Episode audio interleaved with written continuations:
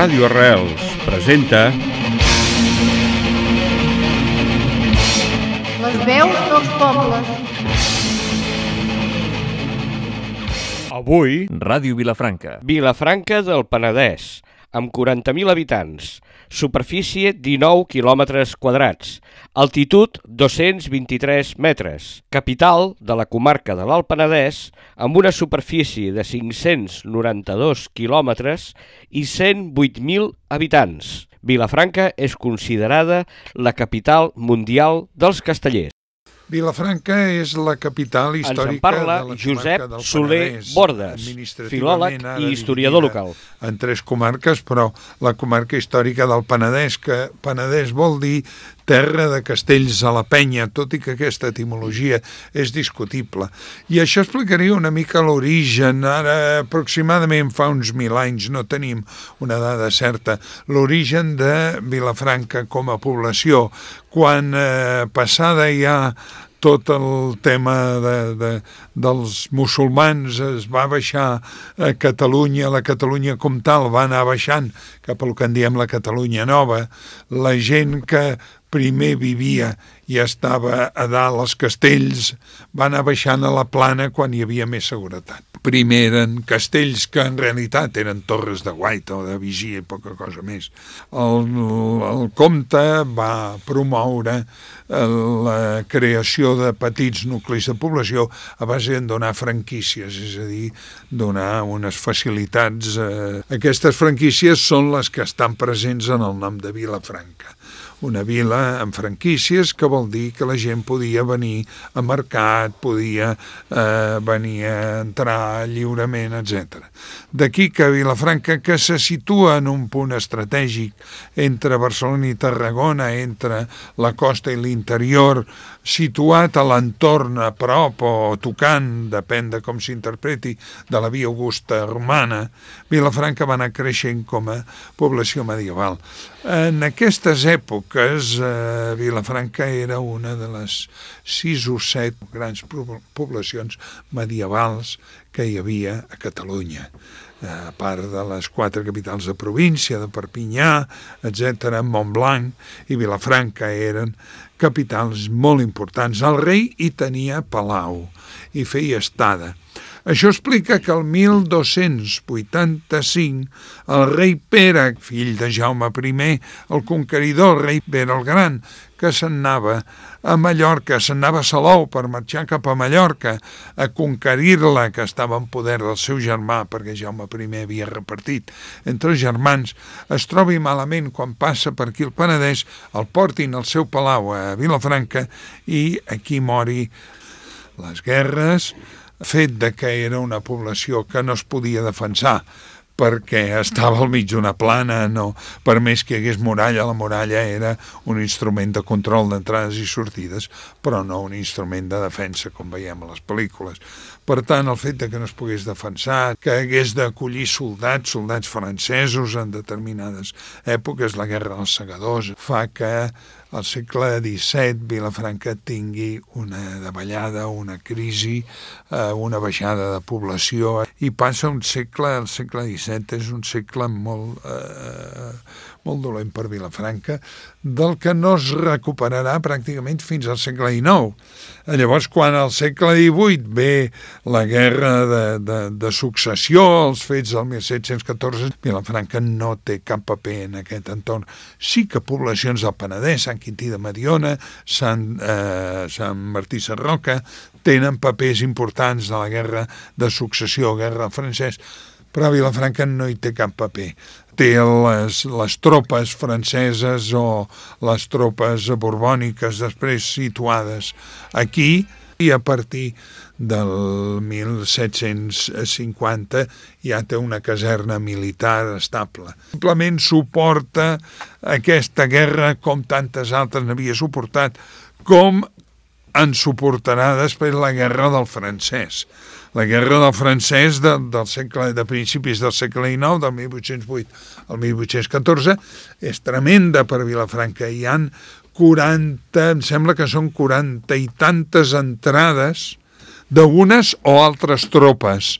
les tropes franceses, les tropes, diguem-ne, eh, espanyoles o, diguem-ne, del país, eh, unes i altres fan constants entrades, saquegen els francesos, la població ens cremen l'arxiu municipal, que va ser una pèrdua més que notable, i inclús arriben a matar el corregidor Lluís Freixas, el representant de, del poder instituït com, com pels, pels mateixos francesos, el poder, diguem-ne, legal, no revolucionari.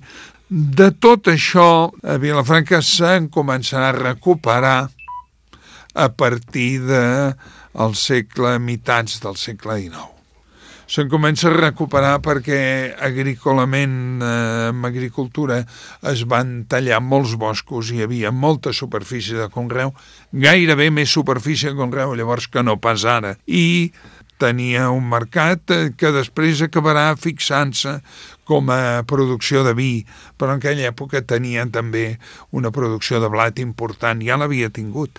D'aquí que hi ha una teoria que l'etimologia de Penedès no ve de castells de la penya, pina, pinae llatí, sinó que vindria de panis densis, molt densa, molt plena de pa. De pa vol dir de cereal, perquè a Barcelona s'havien passat etapes de, de molta fam i el Penedès havia proveït molt de cereal. El segle XIX eh, viu una certa revifalla com a capital de comarca, com a capital de mercat, però al mateix temps veu com altres poblacions, en especial Vilanova, agafen una empenta. Per què? Perquè Vilanova, que tenia, mm, no era ben bé un port, però tenia comunicació marítima, comença a tenir eh, fàbriques, eh, producció teixits, en fàbriques de vapor, eh, mogudes per la força del vapor. I, per tant, Vilanova, una ciutat que creix molt més i té una empenta molt més gran i una empenta industrial. I Vilafranca es queda com a capital de comarca bàsicament com a eh, centre de mercat, però no, no, tira, no tira més enllà.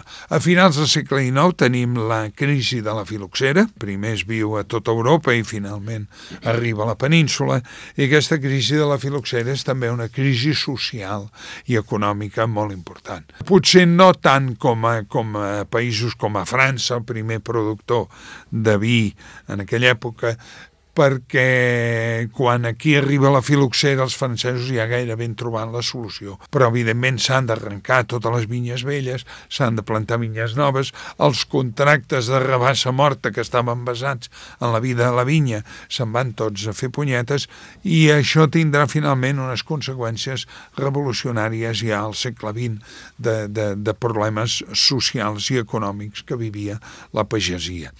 Per altra banda, bé, la filoxera és la que acabarà portant, sobretot a Sant Sadurní, el cava, la producció de, de xampany a imitació dels francesos, que ara en diem cava, i acabarà estenent-ho per tot el Penedès. I, curiosament, quan eh, tota Catalunya, després de la crisi de la filoxera, es replanteja si torna a plantar vinya o planta altres coses. Per exemple, al Pirineu hi havia moltíssima vinya i es va arrencar tota i es van portar vaques suïsses i es va començar amb la producció lletera. Doncs aquí es, es va decidir seguir i continuar la producció vinícola. És la primera comarca vitivinícola de Catalunya per, per producció. Era un vi d'una qualitat eh, mitjaneta, mitjaneta, i aquest vi doncs, finalment va acabar eh, esdevenint la producció de qualitat que és avui en dia. Quin futur té el Penedès com un gran productor de vins i caves de qualitat. Avui en dia el que se'n diu l'enoturisme sembla que és una perspectiva de futur immediata i real ja al Penedès.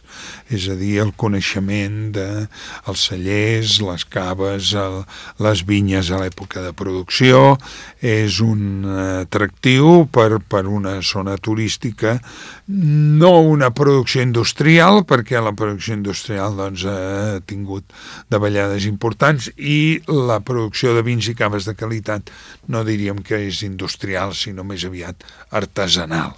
És un dels al·licients per vindre a conèixer la història, els monuments, la gastronomia del Penedès també molt potenciada i valorada avui en dia amb alguns plats molt característics com el gall de Penedès, les fires com la Fira del Gall o l'ànec mut del Penedès, que són els, els plats estrella de la gastronomia i el xató, que no me n'oblidi del xató. Ràdio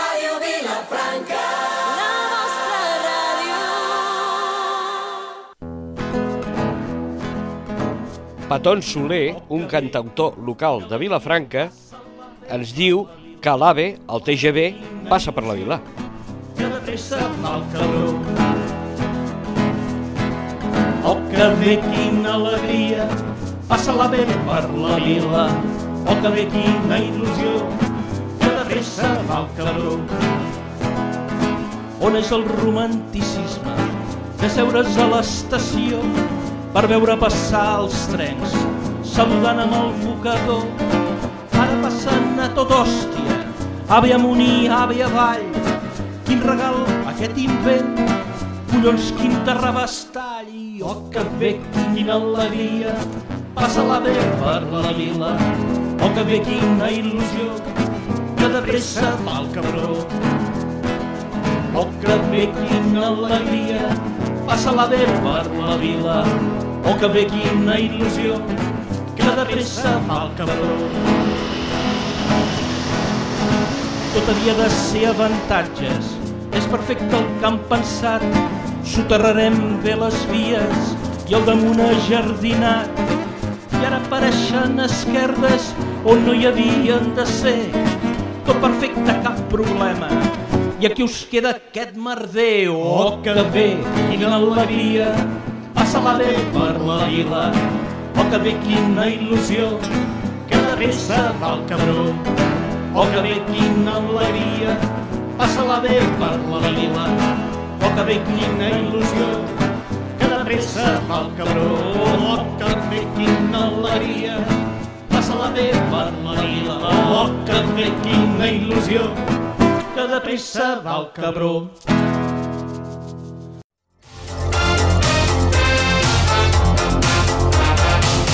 Bon dia, són les 8 del matí. Comencem tot seguit un repàs a les notícies de la comarca de l'Alpardès a la sintonia de Ràdio Vilafranca. Comencem la tertúlia a la sintonia de Ràdio Vilafranca i avui que és divendres, tertúlia amb polítics de l'àmbit local. L'Aureli Ruiz del PDeCAT, bon dia. Bon dia. benvingut. Tenim el Ramon, eh, el, el Ramon Zavalla del Partit dels Socialistes de Catalunya.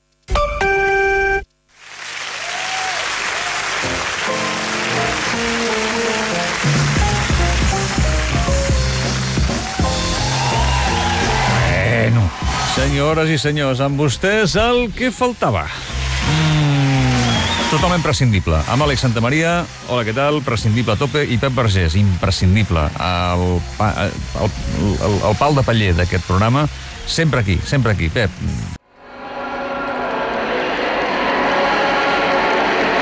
Esports 14. La informació esportiva a Ràdio Vilafranca. Bona tarda, encetem aquí Esports 14 a la sintonia de Ràdio Vilafranca. Un cap de setmana important en el món atlètic. Torna la 10K.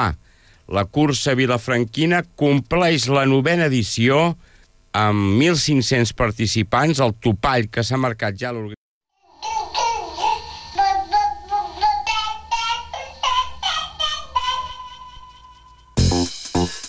Hola, buenas, buenas, buenas. Buenas i airejades tardes del dimecres. Hem arribat ja a aquesta meitat de la setmana, si la contem de dilluns a divendres.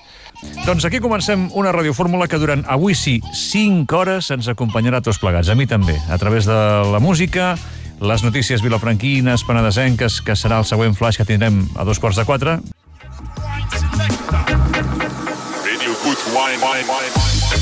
I és Massive de nou Hi-Fi a risc en antena, el vostre programa de ràdio de reggae aquí a Ràdio Vilafranca, right?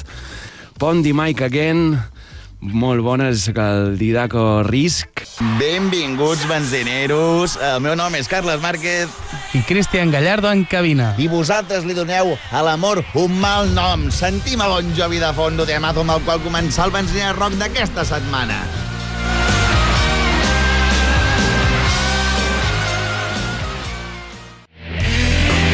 Amics, bon vespre, benvinguts a la sintonia cinematogràfica dels dijous a Ràdio Vilafranca. Encetem una nova edició de El cinema de la setmana, amb els habituals, Toni Inglada i Josep Ferrer presentant-vos el programa i Joan Amat al control de les vies tècniques. Molt bona tarda, penya. Benvinguts a la 845a emissió de Corazón de Rock and Roll. Eh, ja sabeu, el programa de la música més ràpida, dura, intensa i contundent dels que es fan aquí a Ràdio Vilafranca, el 90.9 de la vostra FM. Avui els que farem el programa des dels controls tècnics, com sempre, el nostre benvolgut Marc Pujol i un servidor, en Josep Fleites, que avui doncs, eh, us destil·larà... Ens trobem avui als estudis de Ràdio Vilafranca, Vilafranca del Penedès, capital de la comarca de l'Alt Penedès i capital real del Gran Penedès. Eh, hi ha una emissora potent com la comarca que porta molts anys i tenim el seu director perquè ens expliqui què i com. En Josep Alzina, aquí amb nosaltres. Bon dia. Hola, bon dia. Ho he, ho he dit bé, això? Una emissora potent per una comarca potent? Sí, s'intenta, la comarca és potent i l'emissora intentem que també també estigui a l'alçada. Vosaltres teniu molts anys de, de rodadura. Quan vareu començar i com? Sí, la, la nostra emissora, Ràdio Vilafranca, va començar l'any 82, tot i que hi havia hagut una, una altra emissora amb el mateix nom però que no tenia res a veure, que era l'època del franquisme, l'emissora del Movimiento, que de l'any 51 més o menys fins al 65, em sembla que va ser, que llavors va començar a sortir la, la freqüència modulada i eh, curiosament eh, la gent era una empresa privada i aquella gent no van creure amb la freqüència modulada perquè era, arribava, eh, abastava menys que, que, la, que la una mitjana i van pensar que això no tenia futur i bé, ho, ho van deixar estar. I llavors fins l'any 82, que quan es van crear els primers, el primer Ajuntament Democràtic eh, aquí a Vilafranca, doncs va impulsar un projecte de ràdio, es van començar a fer la, les feines d'equipament de, de, i tot això, i el 82 ja va començar a emetre. De fet, vosaltres vareu partir com una idea promoguda des de l'Ajuntament sí. i, per tant, vareu començar amb unes condicions, si no òptimes, almenys molt més eh, reals que altres emissores de localitats més petites que tenien uns inicis gairebé pintorescos. Sí, sí, sí. Aquí es va juntar la, la voluntat de l'Ajuntament de tenir una eina municipal de participació, amb també la voluntat d'una sèrie de persones que tenien inquietud per fer ràdio i que es van, es van ajuntar i va ser una mica una, una barreja d'aquest esperit de, de, de participació i de col·laboradors i això. L'Ajuntament, evidentment, estava amb vosaltres, però com va reaccionar la població d'aquesta novetat? Bé, molt bé. La ràdio de, des del bon principi va, va tenir molta, molta acollida. Jo diria que en aquells inicis hi havia més, fins i tot més col·laboradors que avui dia. Potser la, per la gent jove té més atractiu, doncs, no sé, la televisió o, o sobretot internet, i, però la ràdio era aquella eina més, més dinàmica i que permetia que un jove que li agradés la comunicació doncs, pogués de seguida participar i fer coses. Vosaltres, per normativa, no podeu accedir del vostre terme municipal, que és bastant petit, per cert, mm. però teniu una vocació comarcal com a cap de comarca indiscutible. Mm. Això us porta a donar notícies i a preocupar-se una mica de la resta de, de viles d'aquí al voltant? Sí, sí, absolutament. Des d'un de, des principi, a veure, Vilafranca fa molt de capital de comarca. Eh? De, de tots els pobles de la comarca doncs, venen al mercat, venen a comprar. Vilafranca doncs, ha superat ara els 40.000 habitants, però de fet hem de comptar que, que, que tota la comarca doncs, hi ha més de 80.000. Per tant, sempre la ràdio ha tingut voluntat de, de ser comarcal i, a més, amb la ràdio és fàcil informar de, de diferents punts, eh? a base de, de trucades telefòniques o comunicats de premsa o que sigui. Amb la televisió també hem tingut aquesta voluntat, però ja és més complicat, eh? perquè ja t'has de desplaçar, necessites imatges. Gràcies a la, al suport de la xarxa audiovisual local, hem començat un programa en què participen diferents emissores de la comarca, el fem conjuntament i ens comuniquem i això també ajuda a fer una mica aquesta, aquesta xarxa d'emissores del Penedès.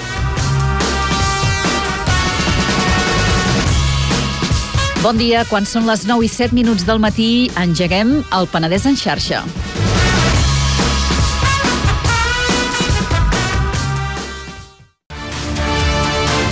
Una producció dels serveis informatius de Ràdio Vilafranca. Bon dia, és la una en punt i començarem tot seguit un repàs a les informacions de la comarca del Penedès a través de la sintonia de Ràdio Vilafranca que esteu escoltant. Us acompanyem al control tècnic amb Marc Pujol, als esports Tito Boada i qui us parla en nom dels serveis informatius Josep Maria Soler. Començarem tot Vosaltres, actualment, quina producció pròpia teniu i quan, quantes hores en xarxa? Bé, nosaltres fem producció pròpia de les 8 del matí fins a les 10 de la nit, les 11 de la nit algun dia, i tenim, incorporem alguns programes de la xarxa, però mm, menys part d'informatius, mm, doncs poca cosa, perquè tenim clar que la, la, el que es espera la gent quan posa Ràdio Vilafranca sentir informació local i comarcal. I, sobretot ens, va molt bé el bloc informatiu del matí, que doncs tens la tranquil·litat de que si passés alguna cosa important, doncs la xarxa et dona una primera cobertura. Però bàsicament nosaltres fem una, ja dic, una programació de 8 del matí a, a 10 o 11 de la nit, que després repetim en horaris de matinada. Al llarg d'aquests 35 anys, vosaltres com participeu en la vida política local eh, amb la vostra ràdio? Bé, nosaltres tenim una ràdio que ja dic, el que volem és que sigui molt, molt participativa, tenim espais eh, doncs, perquè participi doncs, l'equip de govern doncs, informant del que fa l'Ajuntament, perquè també hi participi l'oposició i bé, pel que fa a la meva part només puc dir que sempre hem tingut el suport de, de tots els grups municipals de, de l'Ajuntament, amb tot, i que no, no sabria recordar mai un, un sol problema o una sola desavinença.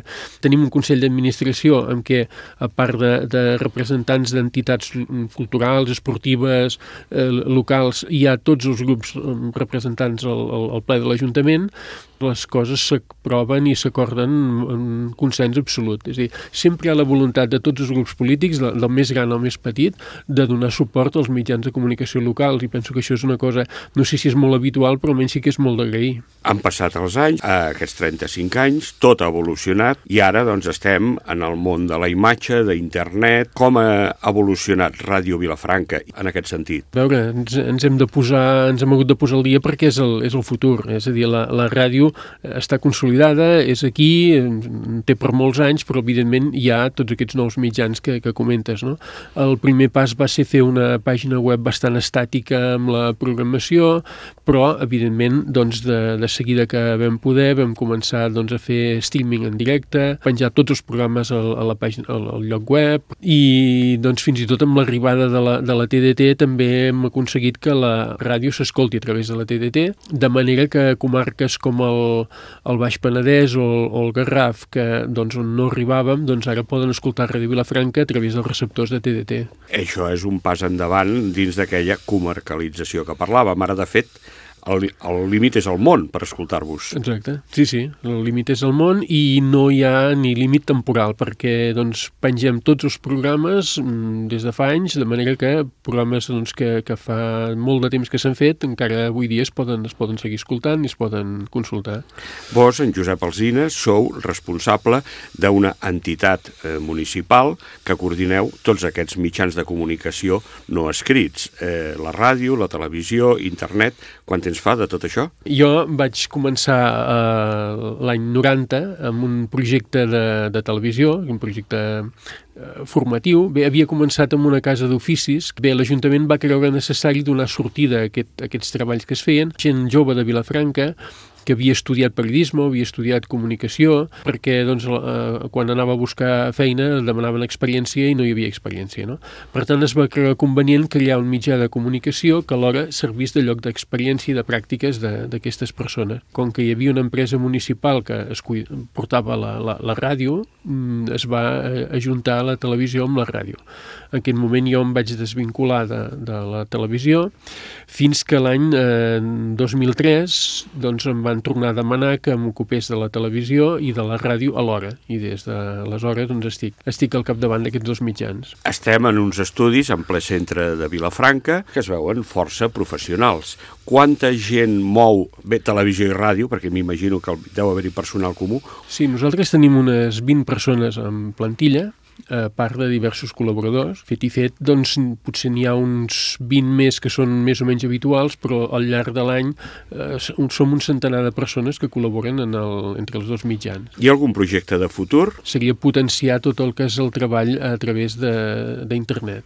Que tots els programes es pengin, magazine, cada secció tingui el seu, el seu espai, la seva visibilitat al, al, al lloc web, aconseguir que legalment es pogués tenir una ràdio comarcal... Doncs, eh, Josep, agraïm la teva informació, la teva amabilitat, com ens has rebut. Eh, reafirmo el que deia al principi, ja sabia que el Penedès és una comarca potent i veig que vosaltres sou una ràdio molt valenta i amb moltes ganes de futur. I us agradeixo tota la vostra col·laboració. Moltes gràcies a vosaltres per l'interès que heu tingut per la nostra emissora i jo també encoratjo Ràdio Arrels a seguir amb la bona feina que està fent des de fa tants anys i endavant i que tinguin un, un futur esplèndid.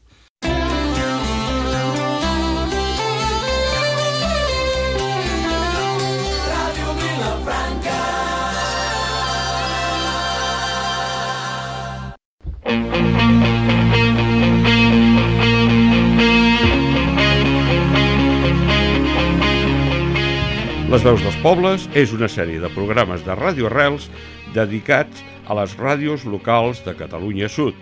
Producció, edició i presentació, Gabriel Fleta.